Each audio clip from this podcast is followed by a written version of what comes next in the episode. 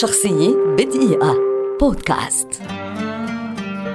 ياسر عبد الرحمن ملحن ومؤلف موسيقي مصري شهير ولد عام 1961 ويعد واحدا من أبرز الموسيقيين في عصرنا هذا ليس على مستوى مصر فحسب بل على مستوى العالم العربي خاصة حين يتعلق الأمر بموسيقى الأفلام والمسلسلات.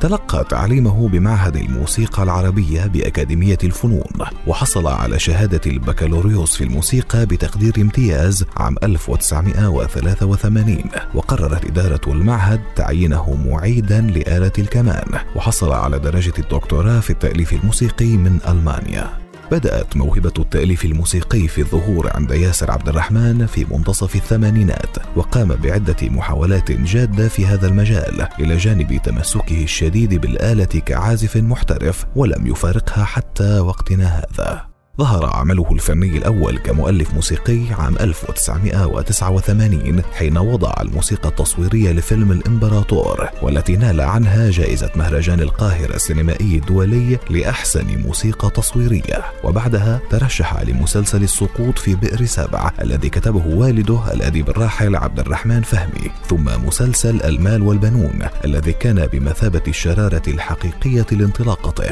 وبدأ اسمه يلمع في الوسط الفني. غنى من ألحان ياسر عبد الرحمن عدد من المطربين أمثال عمرو دياب، علي الحجار، أمال ماهر، محمد فؤاد، محمد رشدي، محمد قنديل وحنان ماضي وهي زوجته السابقة. في رصيد ياسر عبد الرحمن عدد كبير من أعمال الموسيقى التصويرية لكثير من الأفلام والمسلسلات. ومن أبرزها نذكر ملاك اسكندرية ليا بنفسج خيانة مشروعة هي فوضى المرسى والبحار الليل وآخره أستاذ ورئيس قسم ويا ورد من يشتريك. وقد حصد عبد الرحمن حتى اليوم عددا من الجوائز والتكريمات داخل مصر وخارجها. شخصية بدقيقة. بودكاست.